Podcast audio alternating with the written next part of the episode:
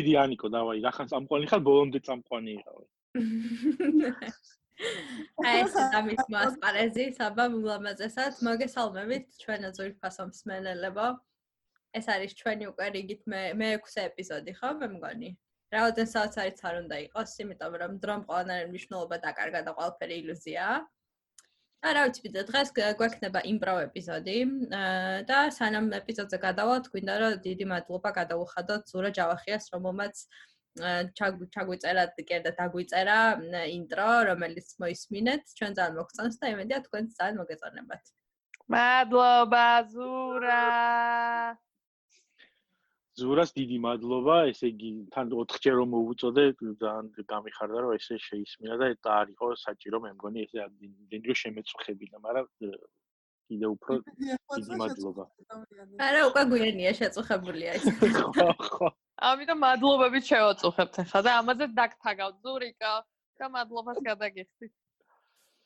ხო და მოკლედ ესე იგი რახან დღეს ვაკეთებთ იმპროვს ეხა მე რენდომაიზერს გავუკეთებ გავაკეთებ და ამოვარჩევ სიტყვას და ამის მერე გვექნება ზურა ჯავახიას დაწერილი ტიხარი და ეგრევე დაიწყება იმპროვ ეპიზოდი.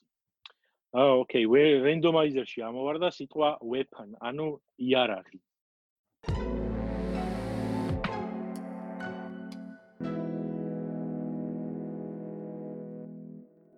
მოგესალმებით. ეს არის გადაცემა ენით დაკოდილი, რომელშიც ჩვენ ვსაუბრობთ იმაზე, თუ როგორი მტკივნეული შეიძლება იყოს ერთმანეთისთვის დაუფიქრებლად ნათქვამი სიტყვები.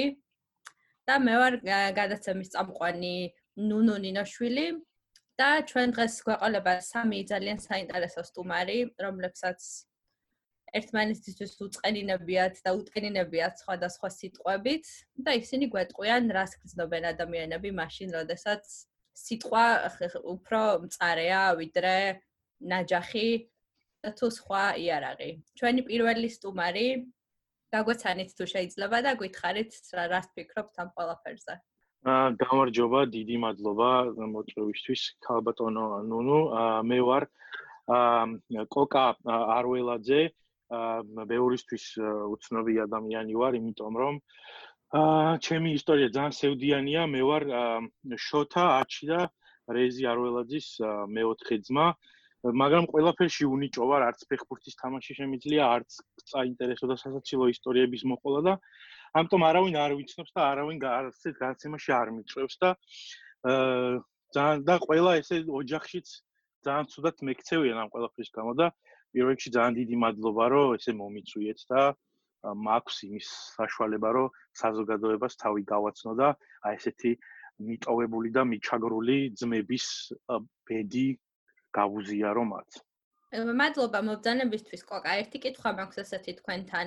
თქვენ თქვით, რომ არაფრის გაკეთება ესე არ შეგიძლიათ განსაკუთრებულად და წყლის მოტანა თუ შეგიძლიათ? აა იცით, წყლის მოტანაც არ ვიცი ხა მე მგონია მე საერთოდ ეს ბულინგის მსხვერპლი ოდესაც ვიყავი ჩემთან ოჯახში აა და არა ესე იგი აა რამდენჯერმე დამავალეს ეს წყლის მოტანა მაგრამ იქ ეს მე მგონია რომ ეს ფრაზა კოკა ყოველთვის წყალს ვერ მოიტანს. ჩემზე არის ნათქვამი და ეს ძალიან ცუდად არის ფათაშორის ეს ფრაზა ჩემთვის იმიტომ რომ თქვენ ალბათ გემახსოვრებათ ადამ სანდლერის ესეთი ფილმი არის Waterboy, სადაც იქ ამერიკულ ფეხბურთს თამაშობს ეს წყლის მიმტანი ბიჭი და აი, როდესაც ფეხბურთზე მიმიყვანა мама ჩემმა, მაშინ რო ვერაფერს ვერ ვაკეთებდი, ესე წყლის მოტანა დამავალეს და აა რამდენჯერმე აა ჩემმა ძმებმა გამლახეს იქვე ხვების თვალწინ, იმიტომ რომ არ უნდათ რომ აა ვითომ შემერცხვინა თუ რაღაც არ ვიცი, მოკლედ აი ეხაც მე მგონი ოთახში ვარ გამოკეტილი და არ მინდა რომ გაიგოს არავინ რო თქვენ გელაპარაკებით, იმიტომ რომ დეიდა ჩემი არის ხა სტუმრად კეთი დოლიძე მოსული ჩვენთან და ძალიან არ ვიცი, იქნება რამე მიშველოთ თან, იმიტომ რომ პირდაპირ ეთერში ვარ, თუ ეს ჩანაწერი იქნება, იმიტომ რომ მე შეიძლება არ მოჭრათ თქვენ რაღაცეები, მე ვიცი, თქვენ მედია ესე მეკცევა ხო? არა, ჩვენ პირდაპირ ეთერში ვართ, ჩვენ ყოველთვის პირდაპირ ეთერში ვართ, ეს არის რადიო სადგური მარტოობა და ჩვენ 24 საათი კვირაში 7 დღე უწყვეტ რეჟიმში ლაივში ვართ და რა ვიცი თუ უსმენენ თქვენი ოჯახის წევრები რადიო სადგურ მარტოობას დიდი შანსია, რომ გაიგონ თქვენი სათქმელი და გულთან ახლოს მიიტანონ, რა ვიცი, მე მაინც იმენს ვიქონიებდი, რომ კარს გაგიღებენ გულისაც და ოთახისაც ადრე თუ გვიან თქვენი ოჯახი. არა, ჩემი ჩემი ოჯახის წევრები არ უსმენენ ამ რადიოს, ჩემი ოჯახის წევრები შედან და რეზის და აჩის და შოთის მოყოლილ ისტორიებს უყურებენ 24 საათი YouTube-ზე, გამის შოუებში რო დადიან ხოლმე და ჩემთვის ეხლა საბედნიეროდ არ წერეთ და ძალიან კარგია რომ არ გვისმენენ. დიდი მადლობა კიდევ ერთხელ. ძალიან დიდი მადლობა. ჩვენ შემდეგ სტუმარს წარმოგიდგენთ. მე მგონი საინტერესოა, რომ ჩვენი შემდეგი სტუმარი აა ჩვენი პირველი სტუმრისგან განსხვავებით არის არა ჩაგრული, არამედ თავად არის მჩაგვრელი და თავად არის ესეთი მწარე სიტყვების მოყვარული. წარმოგიდგენთ ჩვენს მეორე სტუმარს გაგვეცანით, გთხოვთ. აა გამარჯობათ. აა მე ვარ დავითა, ალბათ ყოველას ხსმენია ჩემს შესახებ, მაგრამ სახეზე არავინ არ ვიცნობს და საბედნიეროდ ეს რადიო გადაცემა და კვლავ ვერ გამიცნობენ. აა მაგრამ ალბათ ყველა ვიცით რომ ვისაც კი რამე მოსვლია, მოსვლია ჩემი წყალობით. აა რაც კი რამე ცუდი ყოფილა. აა ისტორიულად ავამართლებ ჩემს ახალს რომ რაც მოგივა დავითაო და აა ძალიან ბედნიერი არ ვარ ამ ყველაფრით მინდა გითხრათ რომ მე წუხდები ხანდახან აა რომ ძალიან ბევრი ცუდი რამე მაქვს ჩადენილი ბევრი ადამიანისთვის მიტკენია გული ჩამისვია გულში ლახვარი და ბუცელში სამართებელი და სხვა ყველაფერი რაც კი ხელში მომხდა. აა მაგრამ არ ვიცი ან ღმერთმა ეთყობა როგორც იუდას დააკისრა ყველაზე ძივე ხვედრი, ისე დამაკისრა მეც, რომ ვიყო ის ცუდი ადამიანი, აა ვის ვისი წყალობითაც ხვები კარგები ხდებიან. აი მე ესე შემოვატრიალე ჩემ თავთან, რატომ უნდა ვიყო ყოველდღიურად ცუდი ადამიანი და ვაწყენინო სხვა სხვა ფასრი იარაღით იქნება ეს დაბულინგება, წერვობა, შეგინება, გალანცვა, თუ დაცინვა სხვა სხვა ადამიანები დავაზიანო. აი ესა რაც სვარ და როგორიც სვარ.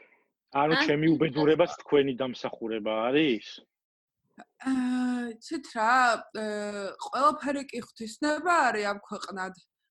მაგრამ მეც მე ღმერთის ხელში ერთი იარაღი ვარ, რომელიც ზოგს აბედნიერებს, ზოგს აუბედურებს. ხარად მე ალბათ გაგაუბედუროთ, მაგრამ რას ვისაუბრებ? ძალიან ძალიან საინტერესოა. მაინტერესებს, ანუ ერთი ძალიან ეს უხეშად რომ გითხრათ, როგორია ერთი დღე თქვენი ცხოვრებიდან.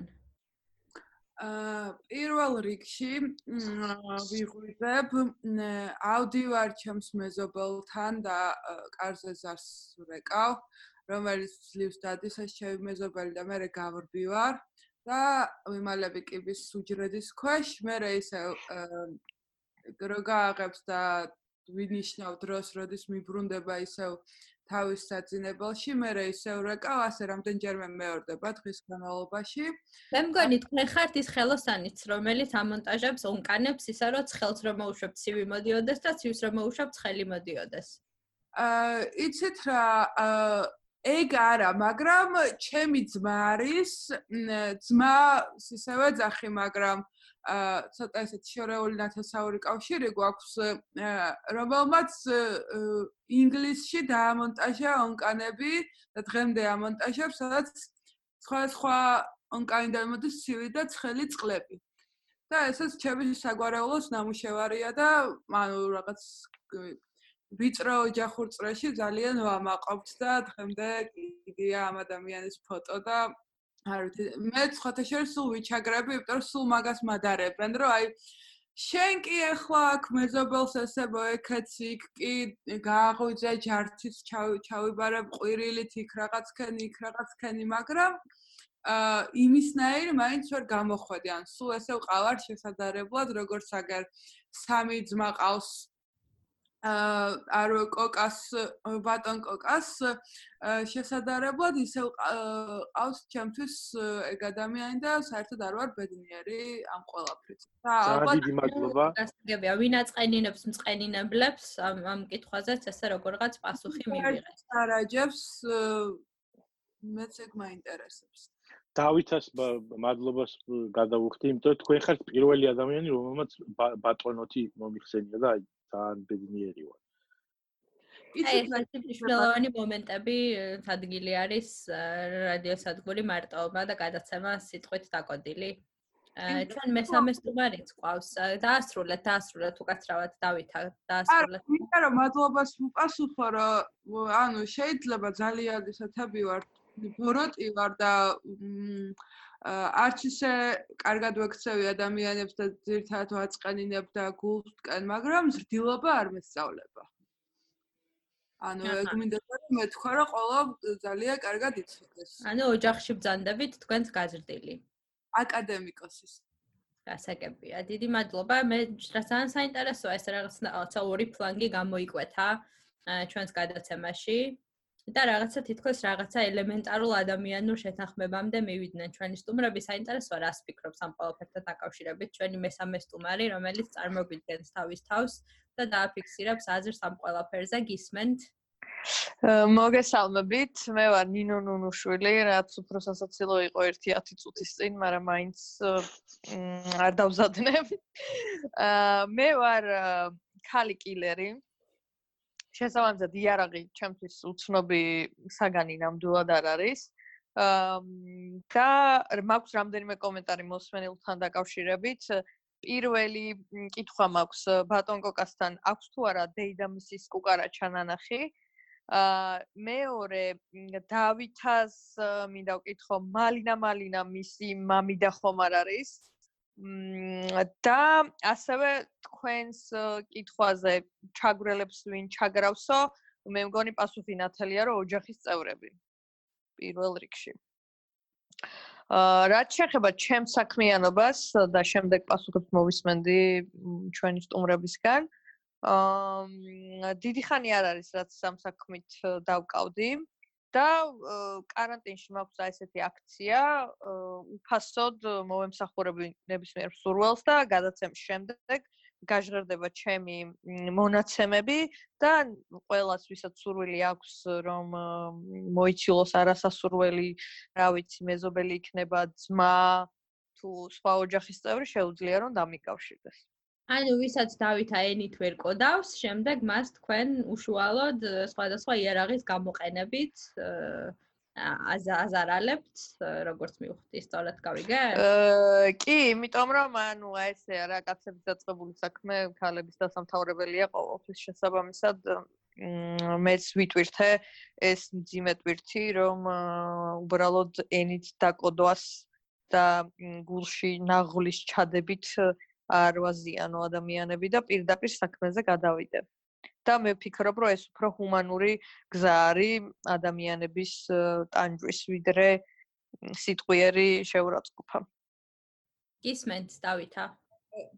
მე მაქვს თქვენთან ერთი შეკითხვა, რა როგორც მოგეხსენებათ, აგერ ბატონი კოკას დეიდის ფილმში მამის მამიდის ბოდიში ბოდიში ხო ხედავთ როგორი ცდილობიანი ვარ.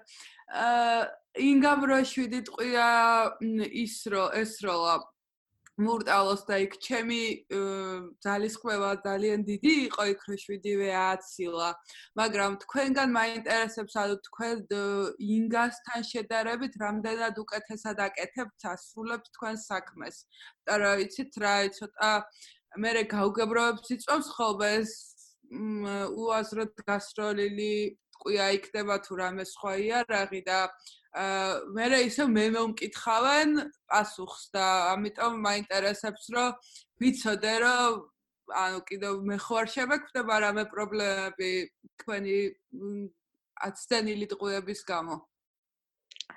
ის რა არის, მე ტყუებით არ მუშაობ, ჩემი სპეციალიზაცია ხუმბარები შესაბამისად, ანუ ხელყუმბარა იძლევა საშუალებას იმისა, რომ არანაირი აცდენა არ იყოს. რა თქმა უნდა, იქ ვიღაცები მოყვებიან მარაკაში, მაგრამ მე ვფიქრობ, რომ თავარია საქმე ზედმიწევნით შესრულდეს ახლა და ვიღაცა თუ სადღაც მოყვა, ეს უკვე თქვენი დამსახურებაა და ჩემი ბრალი ამაში არ არანაირად არ არის შესაბამისად მაგაში აცდენაში ვერავინ ვერაფერს დაგადანაშაულებთ ნამდვილად შემიძლია გითხრათ და იმედიანად შეგიძლიათ იყოთ. ჩვენ ასევე თანამშრომლობთ მიტანის კომპანია ქარის მოწანილთან და ასეთი კითხვა მაქვს თქვენთან ნინო რომ თუ შესაძლებელია რომ თქვენი ცნობილი ხელყუმბარა გაუგზავნოთ ბატონ კოკას რომ გვერდზე ოთახში სადაც მისი ოჯახის წევრები არიან შეკრებილები შეაგდოს. აა კარგია რომ მკითხეთ აი ხო მუშაობ ზუსტად მაგ საკითხზე რომ ჩვენი მე ნანუ მარტო არ მუშაობ რა თქმა უნდა ხალხი თავს დასაქმებული ხო ხვდებით ზრუნავ იმაზე რომ ამ მძიმე პერიოდში ხალხის სიმჩილით არ დაიხოცოს.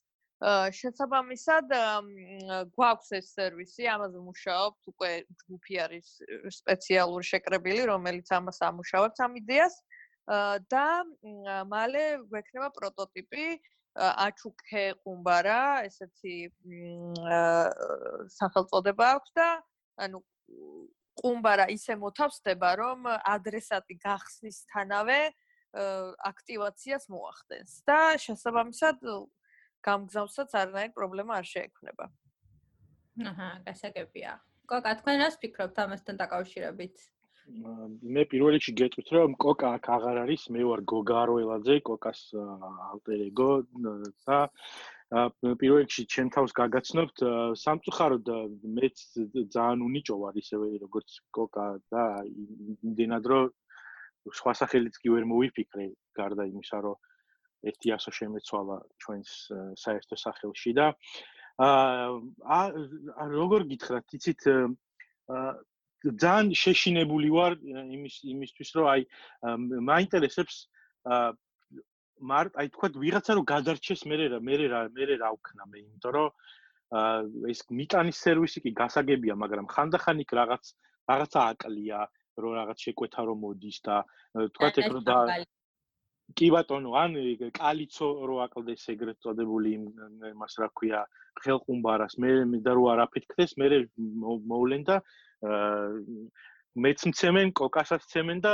ეგ ეხა ჩემი ტვინი მეუბნება რომ აი პოლიცია მოვიდა, მე მგონი ეხა მეზობელთან იმიტომ რომ აი მე მგონი ვიღაცამ შეუკვეთა ის ის რა ქვია ხელყუმბარა და მეზობელი აფეთქდა ჩემი თუ არ ვწდები. ან შეიძლება მემატყუებენ რაღაცას, იმიტომ რომ უნდათ რომ ოთახიდან გამიტყუონ.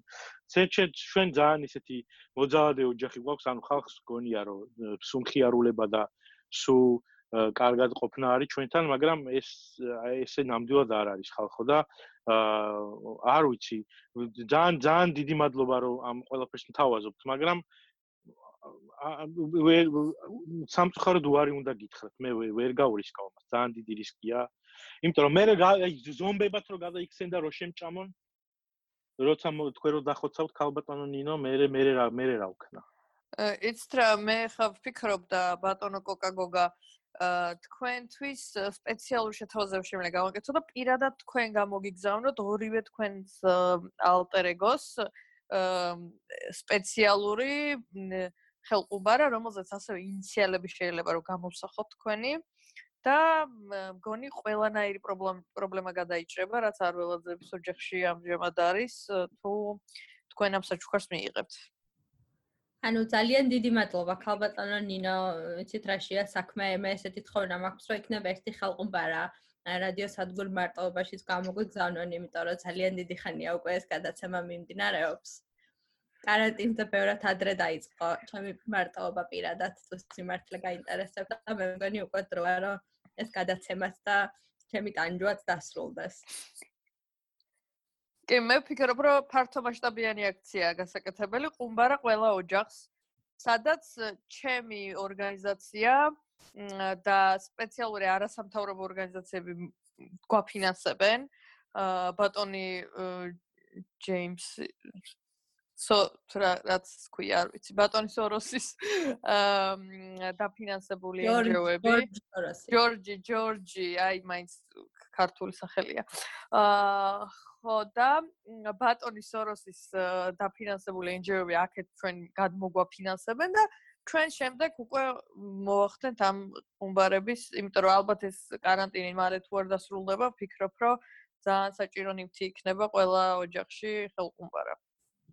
ნამდვილად, ნამდვილად და რა ვიცი, დავითას თუ რამის დამატება სურს და მე ნელ-ნელა მე მგონი შევჯამდეთ. აა არა, დამატება ერთის მინდა რომ აი ბატონი კოკა და გოგა მინდა დავამშვიდო რომ ყუმბარების გამოყედება კი ეშინია, რადგან გადარჩენის შანსი არის, მაგრამ დაიმახსოვროს მინდა რომ რასაც ჩვეულებრივი იარაღით და ისე ვერ დაკოდავ, ენით შეუძლია გაანადგუროს. ა თუ იქ რომელიმე ძმა გადარჩა შემთხვევით ან რაღაცა ან ზომბად იქცა, მე შემიძლია ვასწავლო მას როგორ დაკოდოს და თავისი დაწყებული საქმე ბოლომდე მიიყვანოს. იქ შეუძლია უთხრას, რომ არც ისე კარგად თამაშობთ ფეხბურთს, დასცინოთ ბურთის ტრიალზე, აკითხოს, აბა, აბა, აბა, რამდენ საკენწლია, აბა, აბა, აბა საკში. ან რა ვიცი, საკონტროლო გასროლა თუ უნდა, შეუძლია უთხრას, რომ მათი კურიოზები საერთოდ არ არის სასაცილო. და ალბათ პირველი ადამიანი იქნება მისი ძმების ცხოვრებაში, ვინც ასე აა შეუშინებლად და გაბედულად ეთყვის ამ სწავს მათ და დამიჯერა შედეგი გარანტირებულია ამოისუნთქავ და თავისუფლად შეძლებ რომ ოთახიდან გახვიდე. მე მინდა რომ დავითას აქვე შევთავაზო სამსახური ჩვენს ორგანიზაციაში იმიტომ რომ ვფიქრობ რომ ესეთი ბრუტალური მე ჩემს კარიერაში ჯერ არაფერი გამიგია და ვფიქრობ, რომ ის იქნება ნამდვილად კარგი დანამატი ჩვენს გუნდში. დიდი მადლობა, დიდი მადლობა. აი ესეთი საინტერესო კავშირებია ჩვენს გადაცემაში გისმენთ, გისმენთ კოკა-კოლა. აი ხაბ ერთი ესეთი ნიუსლეტერან გავბედე და გავიხედე გვერდი თავსახში, იმიტომ რომ რაღაც საერთო სიჩუმე იყო და როგორც აღმოჩნდა, ჩემი ოჯახის წევრები, როგორც ყველაფერში ნიჭერები არიან, ესე ფეხბურთის თამაში, კურიოზების მოყოლაში, ფილმების გადაღებაში, აღმოჩნდა, რომ კორონავირუსის ძალიან ნიჭერები არიან და რაღაცა მუტანტური კორონავირუსი დაემართა სულ ყველას და ერთადიანად ამოიხოცენ და მე ვარ დღეიდან თავისუფალი და ძალიან დიდი მადლობა აი სოციალური დისტანსინგისთვის, რომელმაც არველაძეებმა ძალაუნებურად გამიკეთეს და მინდა გახაროთ, რომ კეთი დოლიძეც გაიგუდა იქით გვერდით. ასეთ მე მგონი ასეთი ამბის შემდეგ ეს გადაცემა ისეთი სკანდალური და რეიტინგული გახდება რომ აღარ იქნება საჭირო ამის განადგურება და იქნებ მეორე წამყვალიც დაამატონ რომ ცოტა ეს სახელიც შეცვალონ ქალბატონო ნუ ნუ იქნებ თქვენს გეშველოთ ასე სადაც კოკათა შველა უკვე რო აღარავის იმედი არ გქონდა ხალბატონ ნუნუს კორონაც კი არ ეკარება, ამიტომ არ ვიცი მე რა რა მოხდება. კი, კი, იცით რა არის მე სხვათა შორის მინდოდა ესეც რომ აღმენიშნა, რომ კორონავირუსიც კი აი ესე რადიო გამოსადგურ მარტოობაში არ შემოსულა უკვე წლებია. ამის გარდა მიხვდებოდით რომ ჩვენი მთავარი და ერთადერთი სპონსორი არის კაპიტალიზმი და ანუ ესეთი საოცარი happy end-ების სპონსორიც და რა ვიცი, დიდი მადლობა კაპიტალიზმს, მე მგონი ყველანი დამეთანხმებით და ჯანმრთელობას გისურვებთ და ბედნიერება. და კაპიტალი. ყუმბარა ყველა ოჯახს. კი, ავი სიტყვა ყველგან. დროებით. კეთი კი შეიძლება გაიგუდა, მაგრამ მისი კუკარაჩა მარად ცოცხლობს. აა მაგრამ მურტალო და მიცოცხლებს. მისი მურტალო მუდა მიცოცხლებს.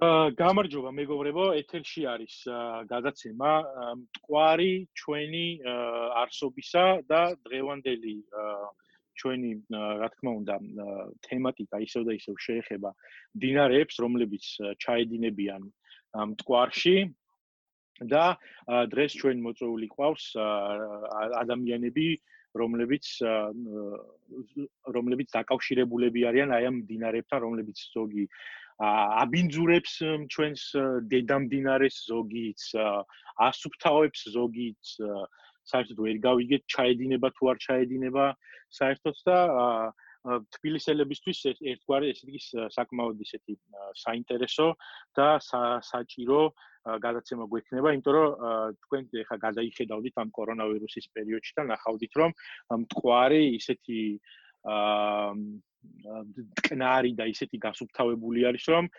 დაახლოებით 100 წლის წინ დამხრჩვალი კინტოების გვამებიც კი გამოჩნდა და აი ამ თემებთან დაკავშირებით ჩვენი სტუმრები წარმოგვიდგენენ თავენთანს ანუ რა უნდა გავაკეთოთ კარგია თუ ცუდი არა და ეს მდინარეები რომლებიც ჩაედინებიან საერთოდ რას გვარგებენ და ჩვენი სტუმარი პირველი სტუმარი გაგვაცნობს თავს და გვეტყვის თუ რა შეიძლება ამ ყველაფერთან გავიკოთ გამარჯობათ მე გახლავართ ლეილა ლონდანათიატნანი და ძალიან მიხარია რომ ტკვარზე სასაუბროდ მომიწვიეთ ამ გადაცემაში.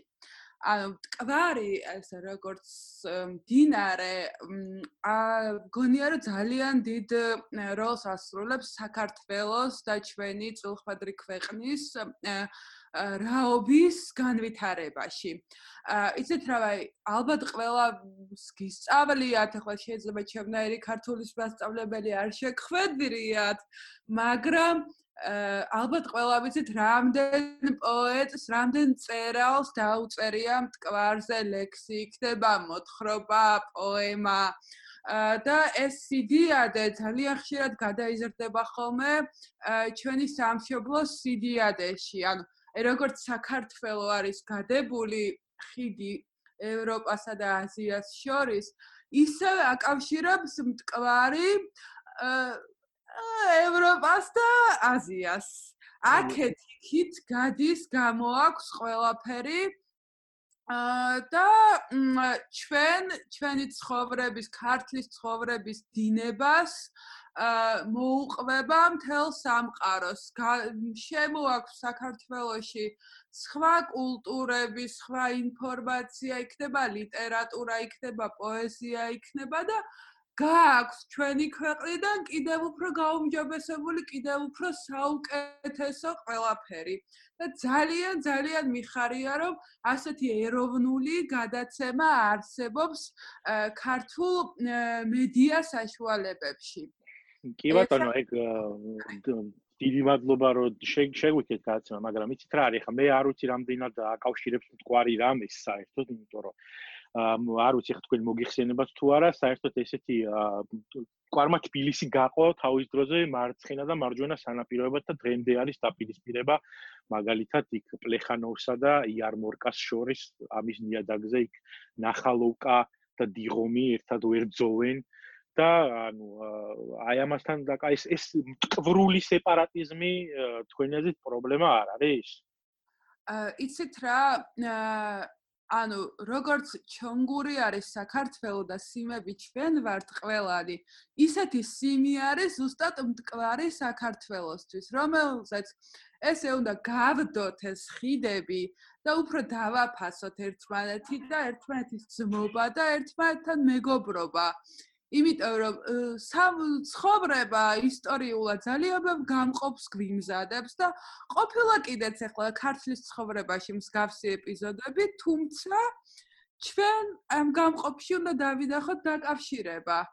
და ჩავე როგორც აი 100000 მოწამე როგორც ესე მტკვარში იყო გადაგებული მტკვრის ხიდზე ანუ კი არ გაყო მაშინ მტკვარმა 40000 მოწამეებად მაშინდელი ქართველობა. არა შეკრიბა გაერთიან და ამიტომაც დღემდე მოგვსდგამს ეს 100000 მოწამის ღვაწლი და ყველაფერი რაც ამბებს მოყვა. ამიტომ რამდენად მტკვარმა გააერთიანა ეგ 100000 მოტომა მე უფრო მგონია რომ ჯავალედილმა გააერთიანა ისინი. აი მე ხო მტკვარში ჩაიყარა მათი თავები და სისხლი, აბასაც წავიდა. წყალში გადაიყარა ყველაფერი, ანუ ფაქტობრივად არის. ეს უბრალოდ კონკრეტულად. გასაგებია. ნუ ჩვენ შემდეგი სტუმარი, რომელიც ასევე წარმოგვიდგენს თავის თავს აა გთხოვთ გისმენთ. მოგესალმებით. იცით რა არის? მე მინდოდა რომ ამ გადაცემაში მოვსულიყავი, იმიტომ რომ რაც კორონავირუსი დაიწყო, მე ვეძებ ადამიანს, რომელიც გამცემს პასუხს რაღაც კითხვები, რაც მაქვს და ესე მითხრეს, რომ ეს გადაცემა იყო ერთადერთი, სადაც მდინარეებზე მიდიოდა საუბარი ამ დროს, იმიტომ რომ ყველგან კორონავირუსია, როგორც ხერ, როგორც იცით და ყველა კორონავირუსზე საუბრობს. მე გახლავართ მდინარე სტიქსის წარმომადგენელი. მოგეხსენებათ, რომ ეს გახლავთ მდინარე, რომელიც აკავშირებს ცოცხალთა სამყაროს კუდრების სამყაროსთან და ჩვენ თავის დროზე ესეთი შეთანხმება გქონდა მკვდართან დადებული, რომ რაღაცა რაოდენობის მკვდრები უნდა ყოველთვიურად გამოეგზავნა ჩვენკენ. და კი ახსენეთ თქვენ რომ კინტოები გამოირიყა, მაგრამ ეს კინტოები დიდი ხნის მკვდრები არიან და არ მივიღებთ ჩვენ ამას.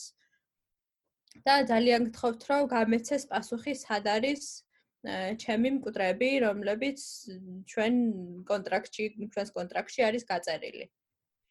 მე რამდენადაც ვიცი, ანუ თქვენ და ჩვენ საქართველოს წინასწარ წინსწრებით გადაიხადა ეს გადასახადი 100000 მოწამის სახით და ანუ ამ თქვენი მისგმანიათ რომ ამოწურულია ეს კრედიტი? ეს ეს კრედიტი ამოწურულია, კი, რამდენიმე წლის წინ ამოიწურა. და ნუ იმედი გქონდა რომ ეს ღვთის სასჯელით, რომელსაც თქვენ ასე ეძახით ღვთის სასჯელით, რაღაცა პატარა ხეირს გვანახებდა, მაგრამ რაღაცა ჯერ ვერაფერს ხედავთ და ისმენთ ნანიმანანა?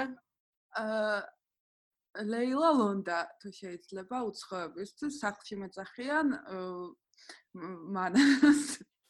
აა მე როგორც ვიცი აა ანუ ღვთისმშობლის კალთა და წილხვდობილობის შედეგად მაგ კონტრაქტში ანუ ეს ძირი ამ იპოთეკის გადაიფარა და აღარ გვიწევს 21 საუკუნეში კიდევ მკვდრების მიწოდება და რატომ გაქვთ კიდევ პრობლემა? მე არ ვიცი არ ვიცი გენაცვალე კონტრაქტში წერია ყველაფერი გადასარევად. გაწერილი არის მაგრამ აზარაძის ბეჭედი აქვს დარტყმული. თიბის გადაეცა გადაცემაში ახსრულებაში უკვე დიდი ხანია ჩვენი კონტრაქტები. კარგი გასაგ დიდი მადლობა. ეხლა უცაი ჩვენი მესამე სტუმარი დიდი ხანია ითხოვს რომ ეს შეგი ჩაერთოს და ის გაგვეთ თავს გაგვაცნობს და გვეტყვის ყველაფერთან თავის მოსაზრებასაც მოგესალმებით, მე ვარ კაცი, რომელიც მტკვარში თევზაობს და საერთოდ ვერხთები რაშია პრობლემა. ანუ ჩემთვის არაფერი შეცვლილა, როგორც მანამდე თევზაობდი, ისე თევზაობ ეხლაც. არც კინტოების გვამები მინახავს, არც გაწმენდილი მეჩვენება მტკვარი და დაბინძურებულსაც ჩემთვის არაუშავდა. აა არც შეზღუდვების შემხებია. და ძალიან სტაბილური ცხოვრება მაქვს. შესაბამისად, საერთოდ ვხვდები რისთვის ვარ მოწვეული და რა აზრს ელოდებით ჩემგან, ვინაიდან მე მგონია, რომ ეს უბრალოდ კიდევ ერთი მცდელობაა, რომ სკანდალი ააგოროთ და რაღაც ჩირკი მოცხოთ არსებულ თავრობას და რაღაც გამონახოთ პრობლემები, იმიტომ რომ არა ესეთები არ არსებობს. ჩვენ გვინდოდა რომ ხალხის აზრი მოგვესმინა ამ ყველაფერთან დაკავშირებით. თქვენ როგორც აი ეს ხალხის მომადგენელი და უბრალო ადამიანი, რომელიც ყოველდღიურად ჩართული არის ტკვრის მეურნეობაში და რომ რომელიც დამოკიდებულია თავის რომლის ეკონომიკური კეთილდღეობაც მტკვარზე არის დამოკიდებული, აი თქვენგან გვაინტერესებდა პირველ რიგში ანუ აი კრედიტთან დაკავშირებით რას გვეტყვით, ანუ უნდა გადავიხადოთ თუ არა, გადავიხადოთ თუ არა ჰადესის სამყაროს ის ვალი, რომელიც და საერთოდ გვაქვს თუ არა თქვენი აზრით. იმიტომ რომ იცით რა შესაძლოა ხა მტკვარი მაგალითად ერთ-ერთი ისეთი მდინარე არის, რომელიც აა წარუმატებლად ითვლება იმ კუთხით, რომ აქ ბევრი ადამიანი არ ხდება ხოლმე შიგნით თავის მოსაკლავად. ამიტომაც ეთქობა შემოგვაკლდა ეს. აა კრედიტი გადასახდილი და თქვენ რას ფიქრობთ ამასთან დაკავშირებით? აა ის რა მე ხა მაგ საკითხში ექსპერტი არ ვარ. ამიტომ ძალიან ესეთ ზუსტ გათვლებს ვერ გეტყვით, მაგრამ ვფიქრობ, რომ კიდე 1-2 თვე რომ გავაგრძელოთ არსებული სიტუაცია, ხარკსაც თან თავისუფლად გადავიხდით და მტკვარიც იმდენად გასუფთავდება, რომ ადამიანებს პრობლემა არ ქონდეთ მასში ჩახტომის და კლელობის.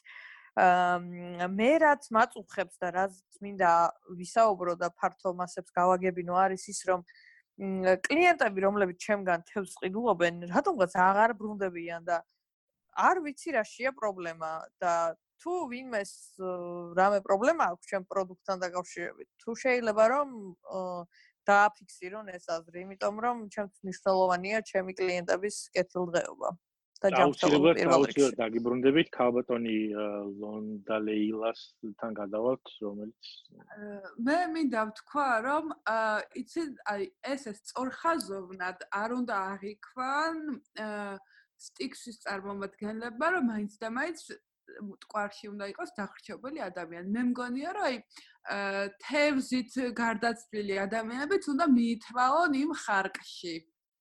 იმიტომ რომ მტკვარი ესეთი უცდაური მდინარეა ცოტა და როცა მუშაობთ ამ პროექტზე, მაშინ უნდა გაგეთვალისწინებინათ, იმიტომ რომ აგერ ანუ მუზებს აღძრავს იქ რაღაცა ფიქრებს გაართობინებს 1000 ლექს დაგაწერილებს იქ ვიღაც ლანდი ჩაივლის ჩამოივლის რაღაც მაგრამ მე გადახტობა არავის არ უნდა გენაცვალე და გაგეკეთებინათ უკეთესი მდინარე მოუნდებოდა იმ ხალხს ჩახტობაც და აღარც ამ ხარგზე შეგვაწუხებდით და არაფერზე. ეხლა ყავდეთ თევზით მოწამლული ხალხი. ჩაიბარათ მაშინ ასეთი გარდაცვლილები თუ შეიძლება რა და ზედმეტად ნუ შეგვაწუხებთ. მე მტკვრის წარმომადგენელს მინდა გადავცა რომ ძალიან მომწონს თქვენი სტუმრები ორივე და გვამების სახით თუ გამომიგზავნით ორივეს შეიძლება დავილაპარაკოთ შემდეგ უკვე კონტრაქტის გადავადებაზე. გას ამას აუცილებლად მე ვიცი ჩვენ თავრობიდან გვისმენენ და ალბათ ისინი მიიღებენ შესაბამის ზომებს. ვანო მერაბეშვილთან ჩვენ ადრე ერთხელ უკვე ვისაუბრეთ ორი გვამის საჭიროების შესახებ და მინდა რომ კიდევ ერთხელ იმიტომ რომ ვიცი ხა ადამიანმა უკვე ადრე გაკეთებული გვაქვს საქმე, ჩემი ანგარიშიც აქვს და ასე შემდეგ. მე აი თქვენ თუ მაინტერესებს კატებს თუ იღებთ ანუ აი თქვენ ემობავშვები რომ თავის დროზე კატებს აღჭობდნენ ხოლმე მტკვარში ისინი თქვენთან მოდიოდნენ თუ აი ეს ეს პროცესი როგორ არის? ისეთ როგორ არის კატები ჩვენ უარყოფით ანუ პირიქით გვიფიქსირდება ერთი კატა დამხრჩვალი ნიშნავს რომ დამატებით კიდე რამდენიმე ადამიანი უნდა დაიხშოს იმისთვის რომ ეს გასწორდეს. შესაბამისად მოგიწოდებთ რომ კატებს თავი დაანებოთ და ადამიანების ხოცვა გააგრძელოთ როგორც შეთანხმებულები ვიყავით გაასაგებიათ. აი ერთ-ერთი შეკითხვა ვიდრე ბატონ მებადურთან გადავალ. აა თქვენთან თუ შეიძლება რომ აი როდესაც ქალბატონმა ლონდა ლეილა მახსენა, როდესაც კვარში დაჭერილი თევზით იწამლება ადამიანი და იკვლება თქვენთან მოდის თუ ის გასტრონომიულ кейსად ფიქსირდება? იცით რა არის ძალიან რთული დასადგენია კონკრეტულად რისგან იღუპება ადამიანი? თუ ოფიციალურად დასკვნაში წერია რომ კონკრეტულად მტკვარში დაჭერილი თევზისგან დაიღუპა ჩვენ მივიღებთ ასეთებს მაგრამ ასეთი რეალურად ძალიან ცოტაა იმიტომ რომ როგორც წესი 2 ლიტր არაყთან ერთად ცოტა რთულია ხოლმე იმის გაგება თევზია რეალურად პრობლემა თუ რამე სხვა გასაგებია ბატონი ბატონ მებადურთან გადავალ თუ შეიძლება შეკითხვით ანუ თქვენ ხა ეკონომიკური ისა ახსენეთ რომ რაღაცა ხალხი კლიენტურა შემოგაკლდათ და ასე შემდეგ და მე შემთავაზე ავიღებ ესეთ მისიას რომ რაღაცა ის ბიზნეს კავშირები დავამყარო თქვენსა და სტიქს შორის და ხო არ განიხილავდით ეგეთ ვარიანტს რომ თქვა თქვენ რამე საწამლავი ჩადოთ ხოლმე თქვენს თეოზებში და ეს x-ი პროცენტს გადაგიხდით э, x-ულებიდან ან მათი ქონებაც დარჩებათ იმ ქონებიდან. მე ვინც დაიღუპება ეს ადამიანები იმიტომ რომ ეხა э, ეკონომიკა უნდა გაიხსნას ბოლოს და ბოლოს საქართველოს э, ფეხზე იქნება წარმოსაყენებელი და ამ სულების ექსპორტის პროცესში თუ ხო არ ჩაერთვებოდით ანუ ამის თქმა მინდა ეს რა არის ხა მე ხო ფიქრობდი პროცესში როგორც ამ საქმის სპეციალისტი როგორ შეიძლება და ჩემი წვლილი შემეტანა ამ საქმეში და როგორც ქვეყანას ვალი გადაგვეხადა. აა რაც შეეხება საწამლავის შადებას, ჩემ პროდუქტი დანამატებს არ საჭიროებს რა ისედაც სასურვებს თავის საქმეს. შესაბამისად, ფიქრობ, რომ ზედმეტი იქნებოდა ეს ძალისხმევა და ძალიან არაეფექტიანად დავხარჯავდით ამ რესურსს და და როგორც შევატყვეთ ზედმეტად განათლებული ვარ კაცისთვის რომელიც მყარში თევზაობს მაგრამ აა მაინც გავაგზელებ ჩემი აზრის დაფიქსირებას. ფიქრობ რომ ადამიანები რომლებიც სხვა მიზეზებით დაიხოცებიან ნუ იქნება ეს თევზი სხვასთან დაჭერილი ჩემთან არა რა თქმა უნდა აა თუ რამე სხვა მიზეზი გადავყაროთ ეს გვამები მყარში შესაბამისად ჩაგვეთვლება კიდეც კრედიტად და ჩემ თევზებსაც ექნებათ რაღაც საკვები და უფრო მალე გაიზრდებიან და შესაბამისად ჩვენც ავმოძრავდებით რა როგორც ბიზნესი და რაღაცა უფრო მეტი სარფიანი იქნება რაც უფრო რა თქმა უნდა დიდ თავს გავყიდით ჩვენთვის ხო უკეთესია. გასაგებია. მე მე გირჩევთ თქვენ რომ აუცილებლად დაუკავშირდეთ ესეთი მეზობელ ტალღაზე არის ესეთი გადაცემა ყლეული სტარტაპების შესახებ და იმათ და ისინი შეიძლება დაგაფინანსონ ამათთან დაკავშირებით და ერთი ხა კომენტარი შემოვიდა ეგრე Facebook-იდან Stix-თან Stix-ის წარმომადგენლებთან არის ესეთი შეკითხვა რომ ერთ-ერთი თბილისელი ბოღმიანი ადამიანი გვეკითხება რომ არც თქვენ ასრულებთ პირობებს რაც დაკავშირებულია მდინარეებთან იმიტომ რომ როგორც აღმოჩნდა ეს ადამიანი ძალიან დიდი ხანი იჯდა მდინარის პირას და მდინარეს ისი ტრის გვამი არ ჩამოუტარებია და რაშია საქმე? კორონავირუსში იქნება სავარაუდოდ საქმე. ბოლო დროს ყოველთვის მაგაშია ხოლმე საქმე და ჩვენც მაგას შევაწყენთ ხელს რა გვენაღლება რო. აჰა, ნუ ესე იგი აა ანუ კორონავირუსმა გამოდის რომ საერთოდ ყველაფერი და ყველა გააჩერა აა და მხოლოდ ესე იგი აა აი ქალბატონი ლონდა ლეილა არის კმაყოფილი, იმიტომ რომ ალბათ ამ კორონავირუსის ნიადაგზე რაღაცა კავშირები დამყარდა ალბათ ქართული ეროვნული და ასე შემდეგ რას გვიტყვით ქალბატონო ლონდა ლეილა ნათია და მესამე მეოთხე სახელი თამავიწყდა უკაცრავად. ნანი დიახ. ნანი დიახ. იცით რა ანუ ეს კორონავირუსი მეც ძალიან არ მომწონს. აა იმიტომ რომ ადამიანები, ანუ მე მინდა რომ ქართველებმა იარონ. და იარონ და ეხლა ვეღარ დადიან ანუ შედარ სახლებში. არც ლიტერატურას კითხულობენ, ქართული პოეზია სულ დაივიწყეს. არაფერი და ანუ ამ ონლაინ გაკვეთილებს ვუტარებ, ვუტარებ, მაგრამ დამიუთებული ვყავარ ყველა მოსწავლეს და მინდა რომ აი ამაზეც შემოვჩივლო და მშობელთა კრება მოვიწვიო Zoom-ში. აა თუ არა და ვნახავ მაგათი მაგათი მშობლებით რომ გადავიხდი მე მაგ სტიქსის ხარკს. აა ხო და არ ვიცი ან მეც არ ვარ კმაყოფილი ამ კორონათი რა. ვერაფერს ვერ გეტყვით იმიტომ რომ მე იმედი მქონდა რომ ამ ღვთის განსაცდელი რომ დაგვაწყდებოდა ყველა დავუბრუნდებოდით ჩვენს დიად კალთას რაღაცა გავიხსენებდით ჩვენს მგოსნებს ისა ესა მაგრამ არა ისევ რაღაცა Facebook-ი, ტელევიზორი, რაღაცა, რაღაცა, ტიკ-ტიკი, ტუკ-ტუკი, არ ვიცი რა, იმისპაკირათ იქ რაღაცა აკაკი ვაჟა galaktionი წაიკითხო ამ ქართველმა ბავშვებმა. არა, განანდა რა ვიცი, 1000 უბედურებას უყურებენ ყოველ დღე. ხო და არ ვარ კმაყოფილი მე კორონათი არა. გასაგები არის სტიქსის წარმომადგენელს თუ დასამატებელი იქნება რამე? იცით რა არის ქალბატონმა ხე წაღანახსენა ვაჟაილი აკაკი და ვაჟაილი აკაკი გადმომცეს აქედან რომ ნუ შეგვეცითო თუ შეიძლებაო და თქვენც რაღაცა ორი ლექსი დაწერეთ რა გახდა ეს დედამოტყნულია.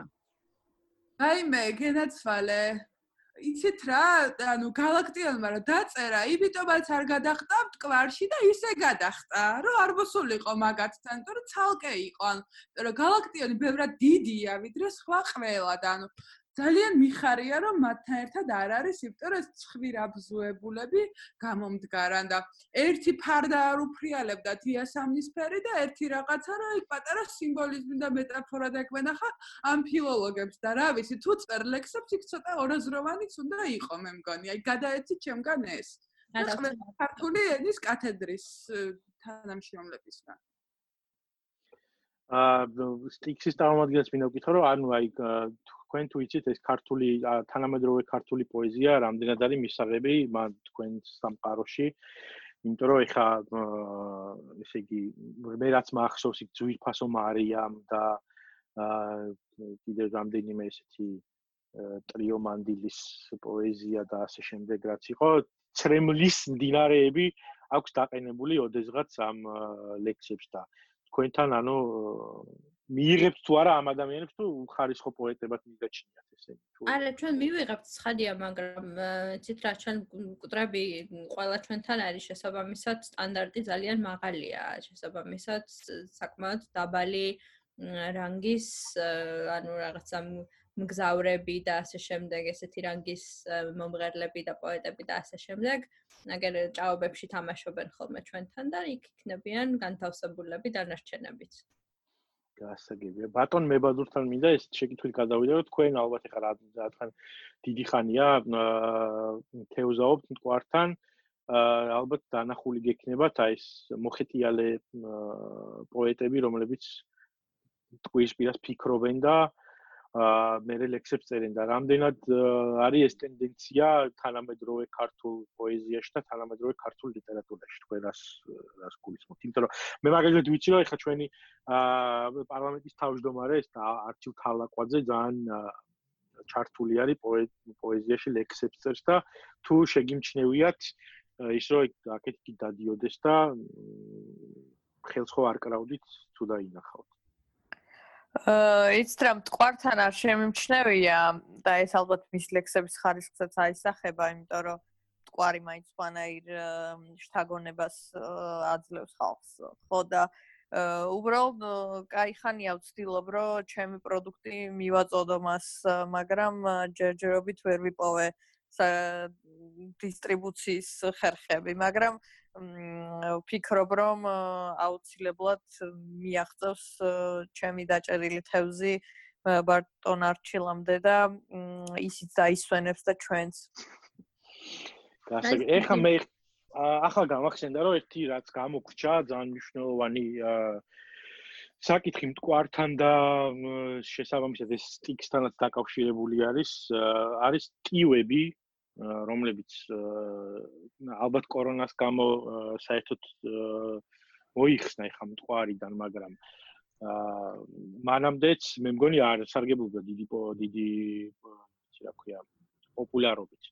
ანუ იქ კინტოები და ისინი არაჩოღლები დათრებოდნენ, მე ვიღაცა გადავარდებოდა და ესე შემთხვევით ვიხდიდით ხოლმე ამ კრედიტს და ეხა ეს ამ ბოლო დროს აღარ არსებობს და ქალბატონ ლონდალეილას მინდა უთხრა რომ როგორ დავუბრუნდეთ ამ ფესვებს აა ტიმზე ტრადიცია. ნამდვილად იცით რა მე ასე გავიგე ჩვენი სასწავლო ნაწილის ბიჭი მუშაობს დაცვაში და მანდედან გავიგე რომ თურმე თოფაძე ყოფილა შეკრული სტიქსთან ზუსტად მაგ ამბით იმიტომ რომ რაც ეს ტივები აღარ არის და რაც ეს ხალხი ვერთვრება, იქვე ჩამოდგა ეს ლუდის ქარხანა, გეგონება ადგილები დაილია ჩვენს მიწაწყალზე და დაათრობს ამ ახალგაზრდებს, აცეკვებენ ისა ესა რაღაცა ჩართავენი მანქანაში მუსიკას და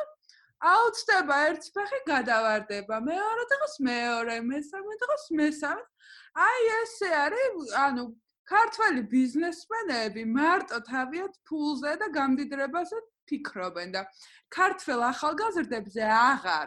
ეგრე იყო ეთყობა იქ მაშინდელმა თოფაძემ ან თოფაძის ბაბუის მოფიქრებული იქნება და ის ტივებიც ყარაჩოღლები რო იმსხვერპლა და 1000 ის რო გადავარდა და გადახტა და ეგრე ხდება დღესაც მე ესე ვიცი რომ ეს შემთხვევითი არაფერი არის განაცოლე უბრალო ხალხს და მასშტაბლებლებს და მებადურებს და რაღაცებს რო გვატყუებენ არ არის ეგრე ეგ ყველაფერი არის მოლაპარაკებების დანაწილებული აქვს რა ნაპირი მე დინარე შენ ესე დგას თურმე თოფაძე და ესე სტიქსთან მოლაპარაკებებს აწარმოებს გენაცვალე. ესე არის ყველაფერი. გასაგებია. ანუ მე ხა მაგალითად ერთი ახალი კომენტარი შემოვიდა გე Facebook-ზე და მეუბნებიან რომ ამ იმისთვის რომ ადრე თუ მოტყუებით და ესე რაღაც საბჭოთა მეთოდებით ხდებოდა ამ ადამიანების ჩაყრა მტკვარში და სტიქსისთვის შეწირო დღეს უკვე ცოტა თანამედროვე მეთოდების შემოტანა არის საჭირო მაგალითად მეუბნებია რომ მტკვარს საერთოდ არ ყავს სოციმედია მენეჯერი რომელიც ან ახალ თაობას მოიწევს და ეტყვის რომ მიიზიდავს ანუ ახალ იმაზე გავა. სოციალურ ქსელებში თუ და TikTok-ში, Instagram-ზე Facebook-ზე და ასე შემდეგ და ანუ აი ამაზე რას ფიქრობთ? ანუ მე გასაგები არის რომ თქვათ ბატონი მებადური ამას შეიძლება არ ემხრობოდეს, მაგრამ ის ტიქსი რას გვეტყვის? მე როგორც ვიცოდი, იყო წარმომადგენლობა თქვენთან მტკვარზე რომ არის ორგანიზაცია, ეს ეს ვინ არიან აბა? იმიტომ რომ რაღაცა გარკვეული თანამშრომლობა აჰა, ანუ დე გაკ თუ თუ შეიძლება ანუ ჩაუღრმავდით, ანუ რასახის თანამშრომლობაზე გქონდათ მტკვართან, მტკვარზესთან? ანუ რჩეული ქალვაჟი რამდენიმე ყოველთვიურად და რა ვიცი, საკმაოდ კარგი მომწოდებლები იყვნენ ეს ხალხი. მე მეგონა რომ რაღაცა ორგანიზაცია ამ ორგანიზაციას უშუალოდ მდინარე მტკვართან ქონდა კავშირი. აჰა, გასაგ ქალბატონო ლონდა. მე მინდა აღშფოთება გამოვხატო იმისადმი რომ ეს მტკვარზე თუ მტკვარში თუ რაღაცას რო ეძახით ანუ მხოლოდ რჩეული ქალვაჟი კი არ ქონდა ხან იყო ქალქალი და ხან იყო ვაჟვაჟი და მორჩეს ქართველი ახალგაზრდების გაფუჭება გარყდა და მე მოკვდინება. ანუ მინდა დავაფიქსირო ქალი ქალს აღარ გავდა და კაცი კაცს კვილამდე მაინც სულ ერთია. ჩვენ ყველანაირს მივიღებთ მაგრამ რა ვიცი ჩვენთანაც კი ცოტათი შევწუხდით. ქართველების ჰომოფობიით და თუ შეიძლება ტრანსგენდერების მკვლელობებს ცოტა რომ მოუკლოთ არ ვიცი მე ისკენდერი ესკენდერი და რაღაცეები, მაგრამ თქვენი ხელიურებია ამ გადაგვარებაში ყველაფერში. უფ. და ბატონ მებადურს მინდა თქო რომ ისმენდი. არ დამიშვით, დამიშვით. პირველ რიგში ეს უნდა დავაზუსტო რომ მე რატომღაც გადავწყვიტე რომ თქვენ ბატონი მებადური ბრძანდებით და ქალი მებადური ხომ არ ხართ და სექსიზმი ხომ არ გამომივიდა უნებურად. ეიც რა უბრალოდ ძალიან ფემინური ნაკვთები მაქვს და ყველას ვეშლებიან. გასაგები ანუ დიდი მადლობა ესეთი ამომწურავი პასუხისთვის და თქვენ რას გვეტყვით აი სოციმედიასთან დაკავშირებით ანუ როგორ შეგიძლია მტკვარის აღორძინებას წაადგეს ეს ყველაფერი ეს რა მე ბოლო 10 წუთია წარმოდგენა არ მაქვს რაზე არის აქ საუბარი თუმცა ჩემი შვილი თინეიჯერია და ამ რაღაც ტუკტუკებით ერთობა. შესაბამისად ვფიქრობ რომ იქიდან გამომდინარე როგორ არის ის ჩართული ამ ყველაფერში აა რამე ტუკტუკ აქცია თუ იქნება რომლითაც ახალგაზრდებში მტკვრის პოპულარიზაციას ხელს შევუწყობთ ყველა მე მგონი ყვაყოფილი იქნება და მეც უფრო მეტ დროს გავატარებ ჩემ შულთან ერთად და მისთვის აღარ იქნება სამარცხვინო ის რომ მტკვარში თევზაობ.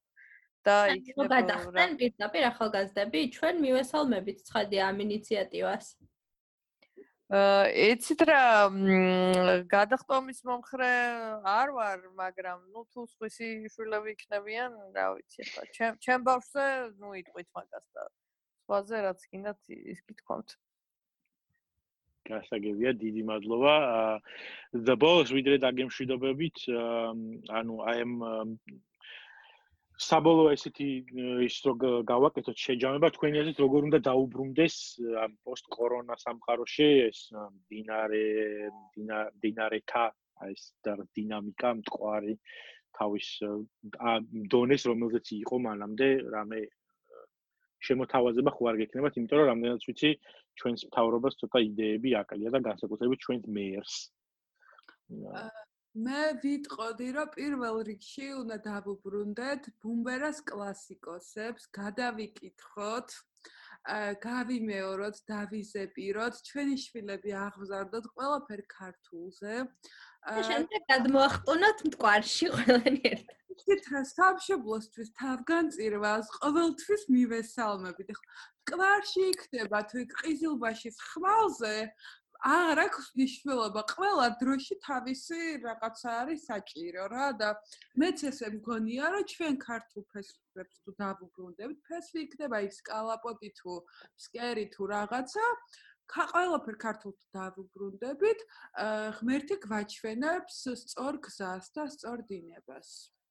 დიდი მადლობა მე ვფიქრობ რომ პირველ რიგში ანუ მაგალითზე უნდა აღიზარდოს მომავალი თაობები და შესაბამისად მთავრობის ყველა წარმომადგენელი თუ ყარში გადახტება შემდეგი თაობებიც უფრო აიტაცებენ ამ ყველაფერს და ხარკის გადახდაც უფრო გაგვიადულდება. ამიტომ ვფიქრობ რომ ერთადერთი სწორი გზა არის ის რომ ინგლისურად ვიტყოდი, მაგრამ არ ვიცი.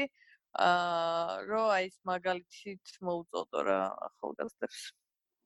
გასაგები, ამ თქვენ თვით რომ მაინც ესე იგი სახელმწიფოს გადასახდელი არის ეს ვალი და არა ხალხის. მმ კი, კი, პირველ რიგში, იმიტომ რომ ყველაზე მეტ ხელფასებს ისინი იღებენ, აბა მე ხა მტყარში დაჭერილი თევზით რა უნდა ვიშოვო. გასაგებია სტიქსის ბოლო სიტყვა და ბარემ ხო თქვენ თქვა გითხარით თქვენი აზრი მისაღებია თუ არა თქვენ რომ ინდაპირ თავრობამ გადაიხადოს ეს უალი რომელიც კვაკისტია. ჩვენთვის აბსოლუტურად სულ ერთია ყველანაირ მკვდარს ვიღებთ არ განვიკითხავთ არ ვარჩევთ ერთმანეთისგან ერთადერთი რაც წეღან თქვი რაღაცა სიძულვილით მოტივირებული დანაშაული ჩვენთვისაც კი რაღაცა რაღაცა დონეზე მიუღებელია თუმცა მთავრობის წევრებს კი მივესალმებით ნამდვილად უბრალოდ იცით რა აქ იყო ადრე რამდენიმე შემთხვევა აქ დაღუპული პრეზიდენტი ქართველი პრეზიდენტები შეიკრიბნენ და რაღაცა პატარა გადატრიალების მცდელობა ქონდათ რა თქმა უნდა ჩავახჩეთ და გავაცოცხლეთ ეს ხალხი და მაშინ გავუშვით განსაცმენდელში გავუშვით და იმედია რომ მეორე ჯერზე უკეთესი ცხოვრებით იცხოვრებენ და უკეთესი სიკვდილით მოკვდებიან. ხო და ანუ ეს მაინც რომ გაითვალისწინონ ქართულმა რევოლუციონერმა პოლიტიკოსებმა რომ ჩვენთან არაფერი გაუვათ არც სიკვდილის მერე. გასაგებია, ანუ ესე იგი ვინც დასარჩენია დარჩეს უკრაინაში და დანარჩენებმა აა გადაიხადეთ მომავალი თაობის ვალი. დიდი მადლობა. ესე იგი ჩვენ შევთანხმდით ამ გადაცემის ბოლოს რომ ვალი რომელიც ჩვენ გვაკისია საიქიოსი უნდა გადაიხადოს აა თავრობამ და პოლიტიკოსებმა, ხოლო სხვა ადამიანებმა დაგუგლეთ სუიციდის ცხელი ხაზის ნომერი, იმიტომ რომ ხელთ არ მაქვს და ვაცადოთ დანარჩენი ცუდ ბიძერებს, რომ ჩვენი ვალები გადაიხადო. დიდი მადლობა ყველა სტუმრობისთვის. იმედია, რომ საინტერესო გადაცემა გამოგვივიდა და იმედია, რომ ერთხელ მაინც მიიღებს ჩვენ თავრობა ჩვენი გადაცემის და ჩვენი სტუმრების შეგონებას და რამე გვეშველება საბოლოო ჯამში. კარგად ბრძანდებოდეთ მეგობრებო, დიდი მადლობა. სტიქსი დროებით გემშვიდობებათ ყველას. მერტი გფარავდეთ. წავედი ვითევზო.